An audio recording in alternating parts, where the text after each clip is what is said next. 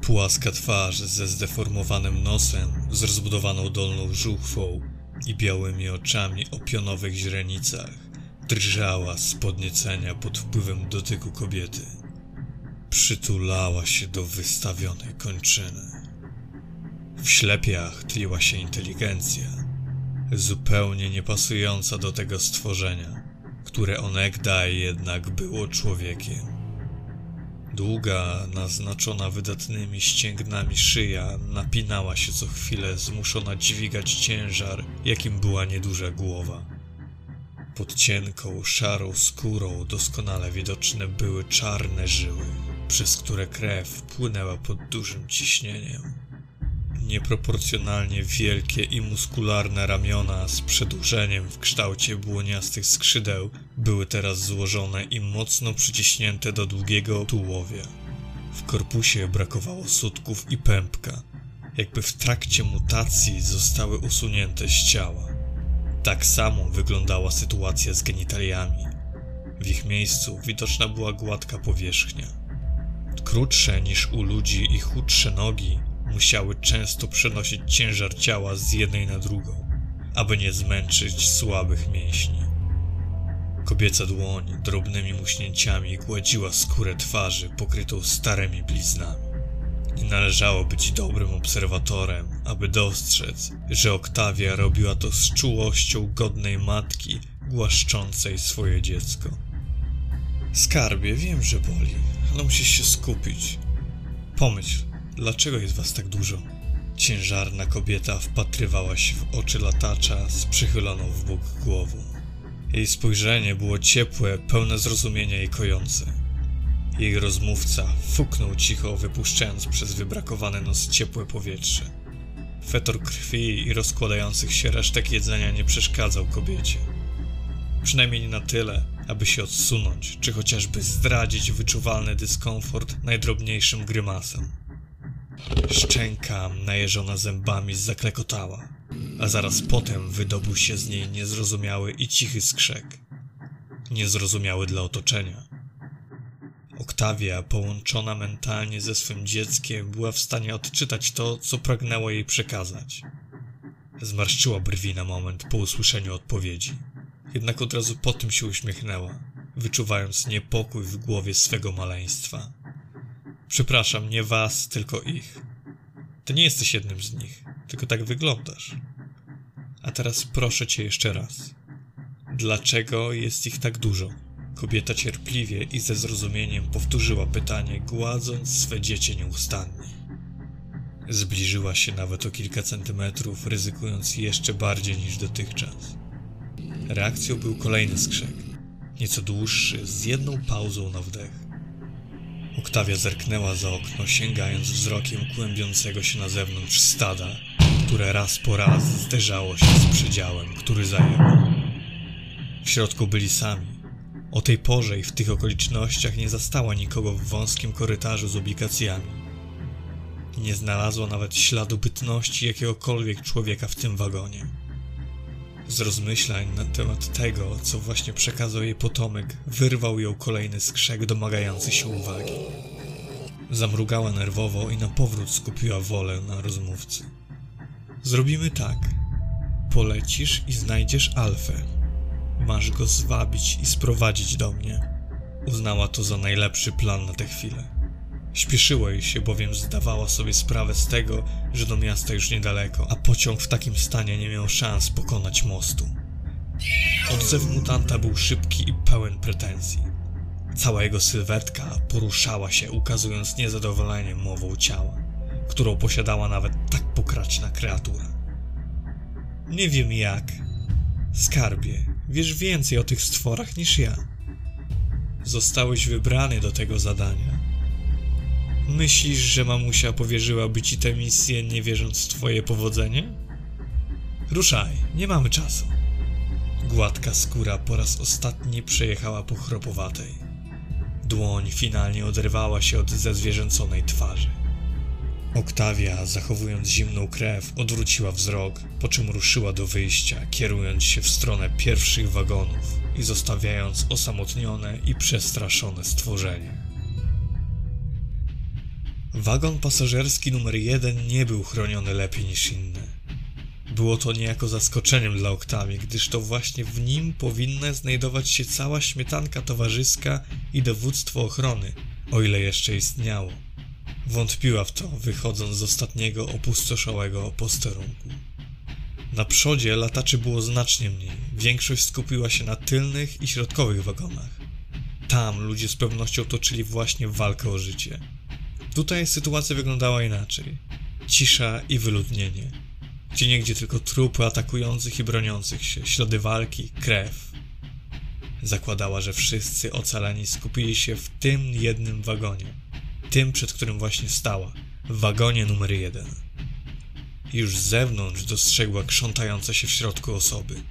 Pchnęła drzwi, ale te, jak przypuszczała, stawiały opór. Uwaga, ktoś się dobija! Podniósł się niespokojny głos wewnątrz. Oktawia odgarnęła włosy z twarzy, które pchały jej się do ust i krzyknęła, starając się przebić przez hałasy otoczenia. Jestem ocalałą! Wpuśćcie mnie, chcę wejść! Jej słowa spotkały się z wyraźnym poruszeniem w środku. Jeden z ochroniarzy podszedł do drzwi i spojrzał na nią przez szybę. Przybliżył twarz na tyle, aby można było dostrzec przerażenie w jego oczach i zmęczenie na twarzy. Szyba zajęła się mgiełką. Zniknęła również szybko, co się pojawiła, zdradzając przyspieszony oddech. Zgrzyt zamka uprzedził otwarcie drzwi. Oczom nowo przybyłej ukazał się spory przedział. Imitował niewielkie mieszkanie. Znajdowało się tam spore łoże, szafa na ubrania, lampki nocne i wieszak ze strojem konduktora. Bogato wyposażona w domowe sprzęty kuchnia z jadalnią zajmowała kolejną część. Dalej przestrzeń odseparowana zasłonami. Pewnie łazienka. Na końcu drzwi prowadzące do drugiej części największego wagonu. To wszystko nie było jednak tak istotne jak to, że w środku gnieździło się mnóstwo ludzi. Funkcjonariuszy ochrony była zdecydowanie mniejszość. Cała reszta to przerażeni i ranni pasażerowie. Część z nich przyglądała się badawczo Oktawii. Na łóżku leżał ktoś bez ruchu, ledwo dysząc, cały we krwi i bez jednej ręki. Stał nad nim długowłosy mężczyzna i dwie chude kobiety. Razem opiekowali się ofiarą ataku lataczy, aplikując mu środki lecznicze. Wśród poszkodowanych znajdowali się także ochroniarze. Nie prezentowali się zbyt imponująco. Siedzieli pod ścianą, podpierali głowy, rozmawiali cicho. Kurczowo trzymali pistolety w rękach i obandażowane rany. Wiem, jak pozbyć się lataczy. Muszę porozmawiać z waszym przełożonym. Odezwała się do tego, który jej otworzył. Trzymał w ręku klucz. Wyglądał na sprawnego. Był jednak jednym z tych, których już opuściła nadzieja. Zamrugał nerwowo na wieść, z jaką przyszła kobieta. Jego twarz nabrała kolorów, napięła się, ożywiła. Ten stan jednak nie trwał długo. Drapiąc się po uchu, zerknął wymownie na jednego ze swoich kamratów. Starszego kolegę, który wyciągnął właśnie z paczki ostatniego papierosa. Nasz szef nie żyje. Leży gdzieś między innymi trupami albo wypadł, albo został pożarty. Z pewną dozą obojętności, a raczej zrezygnowania odpowiedział jej, przyglądając się swojemu ostatniemu patowi. Wzruszył do tego ramionami. Cała postawa nie spodobała się niektórym jego kolegom. Skomentowali to cicho między sobą. Morale upadło jeszcze bardziej. W takim razie chcę rozmawiać z kimś, kto może ogarnąć ten burdel. Gestem ręki zatoczonej w powietrzu wskazała na obszar przed nią. Cierpienia ludzi nie wywoływały u niej jakiegokolwiek wrażenia. Nie obchodzili jej, jeżeli nie mogli się przydać. Ej, czekaj, czekaj! Czy to nie ta terrorystka, o której mówiono? Wyrwał się jeden z tych odrobinę bardziej spostrzegawczych. Najwidoczniej nie do końca rozgarnięty, gdyż swoim pytaniem zwrócił uwagę wszystkich na postać Oktawii, wywołując ogólny zamęt i zaniepokojenie. Ochroniarze, stojąc najbliżej niej, zamiast od razu ją złapać, odsunęli się. W końcu kobieta w dłoni trzymała pistolet. Oni również byli uzbrojeni, lecz dopiero po chwili ktoś wpadł na pomysł, aby unieść lufę i wymierzyć w stronę ciężarnej. Oktawia z początku odrobinę się przestraszyła, słysząc, że została zdemaskowana. Po chwili jednak, wyczytując z twarzy mężczyzn ich niepewność, nabrała odwagi. Jeżeli chcecie pozbyć się ostatniej szansy na ocalenie, to śmiało strzelaj. Najlepiej zaraz potem pierdolni sobie w łeb. Latacze lubią bawić się swoimi ofiarami, więc lepiej, żebyś był martwy, gdy cię dopadną. Ale, ale czekaj. Przecież wy nie macie czym strzelać, nie macie amunicji. Zwróciła się do pierwszego lepszego członka załogi, po części blefując, po części mając nadzieję, że ci ludzie jednak mają trochę oleju w głowie. Widząc wahanie w ich postawie, zdecydowała się kuć żelazo póki gorące. Prowadź mnie do kogoś, z kim mogę porozmawiać o planie uratowania nas wszystkich. Kiwnęła głową na tego z papierosem. Niezapalony pet drgnął w ustach mężczyzny. Zmarszczył czoło, nie widząc innego wyjścia, po czym bez słowa zaczął iść w stronę przejścia do drugiego przedziału. Kobieta ruszając za nim, wcisnęła swoją broń w dłonie mijanego ochroniarza. Będzie to pana drogo kosztować, zapewniam. Oktawia nie zwróciła uwagi, do kogo należał głos, który usłyszała zaraz po przekroczeniu ostatnich drzwi. W środku dużego przedziału, który swoim przepychem mógłby konkurować z pokojem w posiadłości zamożnego hrabiego, znajdowało się pięcioro ludzi. Czterech mężczyzn i jedna kobieta. Większość z obecnych dobrze ubrana, doskonale pasująca do tego miejsca. Do tych ścian z czerwonym podbiciem. Do tego opasłego żerandola, który jakimś cudem trzymał się niemal nieruchomo. Do tego upchanego po brzegu rozmaitymi trunkami barku, wielkiej, miękkiej sowy i pokaźnego stołu z eleganckimi krzesłami wokół.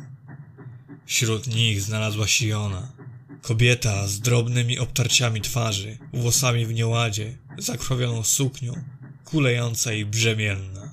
Do tego wszystkiego nie wyglądała na zdrową. Blada cera, przekrwione i podkrążone oczy. Kto cię to wpuścił? Jako pierwszy odezwał się właściciel poprzednich zasłyszanych słów. Niski, krępy, łysy mężczyzna po pięćdziesiątce, ubrany w niebieski smoking z wystającą spod kołnierza czarną chustą, która przykrywała po części opasły brzuch.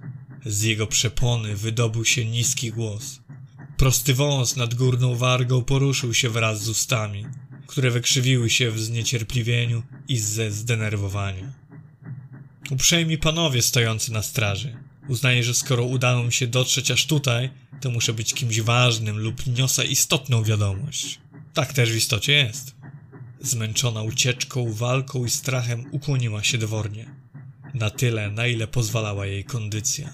Dwoma palcami chwyciła fałdy fraka i uginając sprawną nogę wykonała ukłon, opuszczając głowę.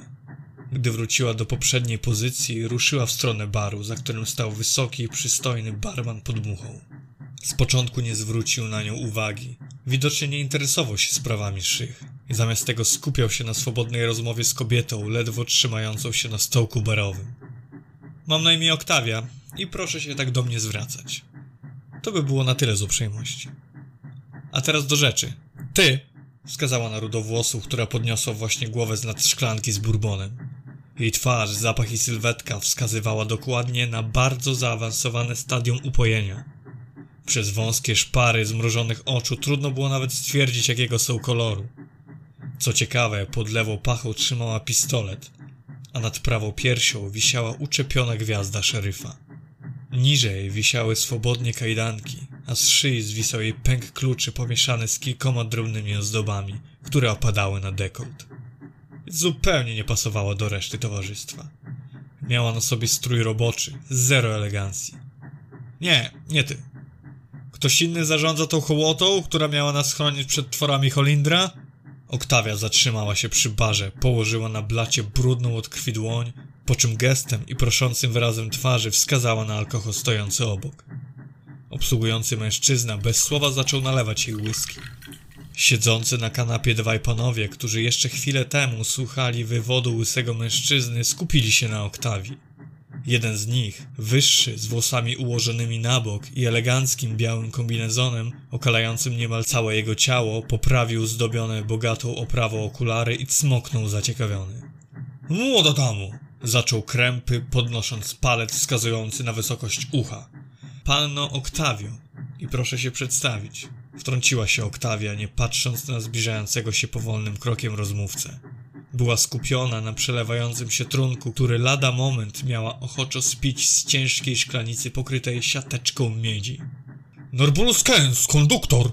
Z oburzeniem godnym króla wypowiedział te słowa najgłośniejszy w tym wagonie mężczyzna. Zatrzymał się nawet, przejęty tym, jak został potraktowany. Chcąc znaleźć wsparcie, odruchowo spojrzał na pijaną panią szeryf. Potem zerknął na siedzących dżentelmenów, ale nikt nie zareagował. Prychnął więc i poczerwieniał. Czego panna chce? Nie widzi panna, że mamy tutaj kryzysową sytuację? Poza tym nie mamy czasu na pogaduchy. Proszę rozmawiać z dowódcą ochrony. Wymachując ręką, zahaczył nią o kraniec swej fikuśnej chusty, która zafalowała przy tym. Odruchowo przyłożył do niej dłoń, by wygładzić materiał i przycisnąć do ostającego brzucha. Tak się składa, że szef ochrony nie żyje i konduktor powinien przejąć dowództwo. Skwitowała, śpiesząc się przy tym. Końcówką języka oblizała wysuszone usta, zwilżając je odrobinę, by dwa oddechy później objąć nimi kraniec naczynia, z którego upiła kilka łyków. W panny stanie? Wtrącił się jeden z siedzących, który uważnie przyglądał się kobiecie. Bez trudu dostrzegł jej ciążowy brzuch. Oktawia jedynie puściła mu oczko, zbywając tym samym. Nie miała ochoty rozmawiać na ten temat. Westchnęła jedynie, odstawiając wysuszone naczynie, po czym kiwnięciem głowy potwierdziła barmanowi chęć wypicia więcej. No, ee, no ale z tego co wiem, nasza ochrona nie ma już amunicji. Najwidoczniej los szefa ochrony nie był obojętny Norbulusowi, gdyż wyraz jego twarzy wskazał na zaskoczenie i zmartwienie. Chyba dopiero w tej chwili dotarło do niego, że może nie dojechać do miasta. Wystarczy złapać Alfę. Przywódcę. Stado bez Alfy nie będzie wiedziało co robić i odpuści. Musiało odrobinę skłamać, by w ogóle ich zainteresować. W końcu, gdyby powiedziała prawdę, nikt by nie zgodził się na ten układ. Odebrała drugą kolejkę, a gestem toastu obdarzyła śpiącą już panią szeryf. Łapaliśmy już dziesiątki, jak nie setki tych mutantów.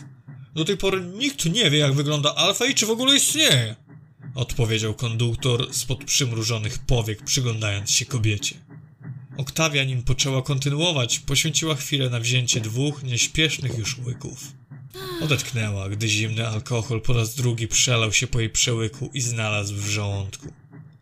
Wierzchem dłoni wytarła usta. Ja wiem, który to alfa. Przyleci tutaj, wystawię wam go, a twoi ludzie go złapią. Musi żyć i najlepiej, by nie odniósł ran.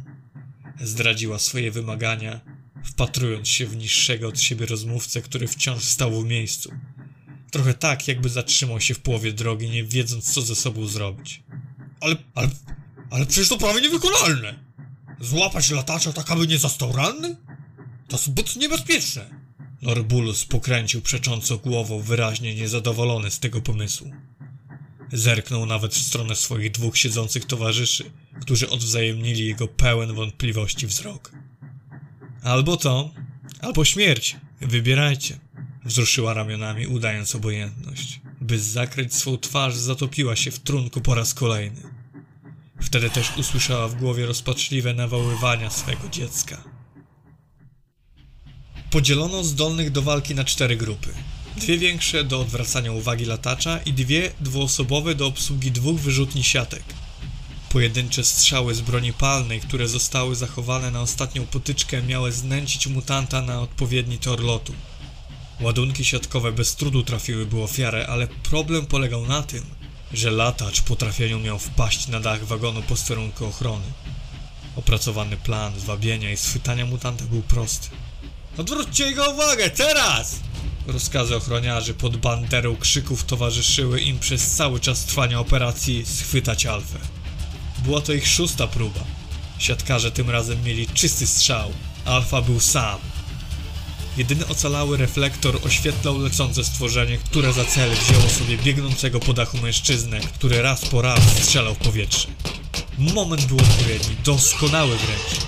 Siatka nie wystrzeliła. Podniósł się gwar. Strzelajcie do cholery! Na co czekacie? Krzyk elegancko ubranego konduktora przebił się przez hałas pracujących kół wagonu. Zacięło się! Odpowiedział mu meldunek z pozycji strzeleckiej, którą zajęto przy jednym ze stanowisku ogniowych. Mutant, oślepiony blaskiem lampy, zaskrzeczał donośnie i z wściekłością przyspieszył. Oktawia przyglądała się nieudolnym staraniom roztrzęsionej załogi z bezpiecznej pozycji. Męczyli się z lataczem już ponad 10 minut. Do tego czasu naliczyła pięć ofiar. Wzięła wdech i zdecydowała się w końcu wysłać impuls do swojego dziecka. Ukryty pod pokładem latacz w chwilę wysunął się i wzbił w powietrze. Jeszcze jeden! Momentalnie podniósł się alarm. Zestrzelcie go! Krzyki niosły się ze wszystkich stron, ale nikt nie oddał strzału. Mniejszy mutant wysłany przez Oktawię zrzucił się na Alfę zaraz po tym, jak ten wylądował na uciekającym po dachu nieszczęśniku i przygniótł go do metalowej powierzchni. Donośny skrzek naruszył bębenki ludzi w pobliżu. Straciliby słuch, gdyby akcja działała się w zamkniętym pomieszczeniu. Uciekaj! Wiadomość mentalna dotarła do mniejszego latacza w ostatniej chwili. Puścił on silniejszego mutanta i odleciał tuż przed tym, jak siatka dopadła Alfę i oplotła się wokół niego. Po ciężkich, drucianych splotach przepłynęło wyładowanie elektryczne, które sparaliżowało mięśnie stwora i pozbawiło go przytomności.